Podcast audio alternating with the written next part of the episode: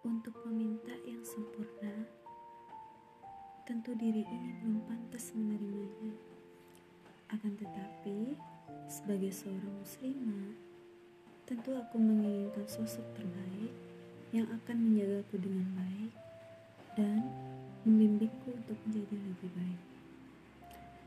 Beberapa tahun yang lalu, sebelum aku terjun menyelami Islam, lelaki yang aku dambakan adalah yang setampan idola, mapan, baik hatinya, penyabar dan penyayang.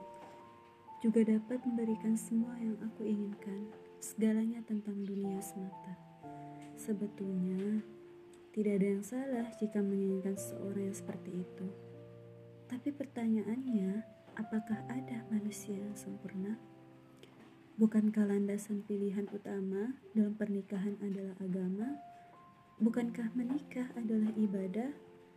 Bukankah kebahagiaan tak Allah sematkan pada si kaya saja?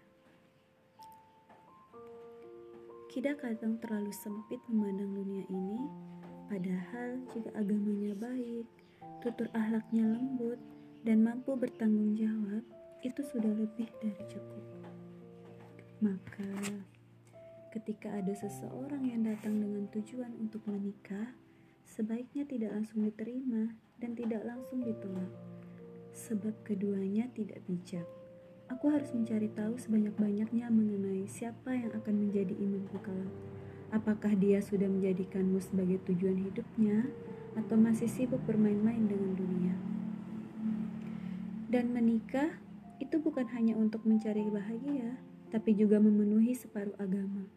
Bagiku, yang bahkan menunaikan ibadah-ibadah sesingkat sikir pagi dan petang, Sholat duha atau sholat witir di sepertiga malam saja terasa berat.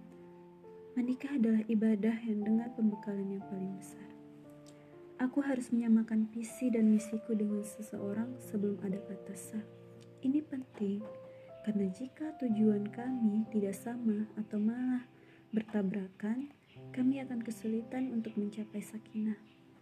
Berbeda ketika surga dijadikan sebagai akhir dari perjalanan, Sebesar apa pun rintangannya, aku yakin engkau sendiri yang akan melindungi sebuah rumah tangga.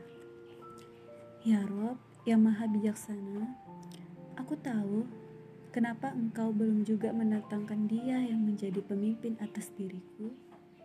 Sebab banyak yang harus aku ketahui tentang bagaimana sosok yang pantas untuk mendapatkan peran dengan tanggung jawab sebesar itu.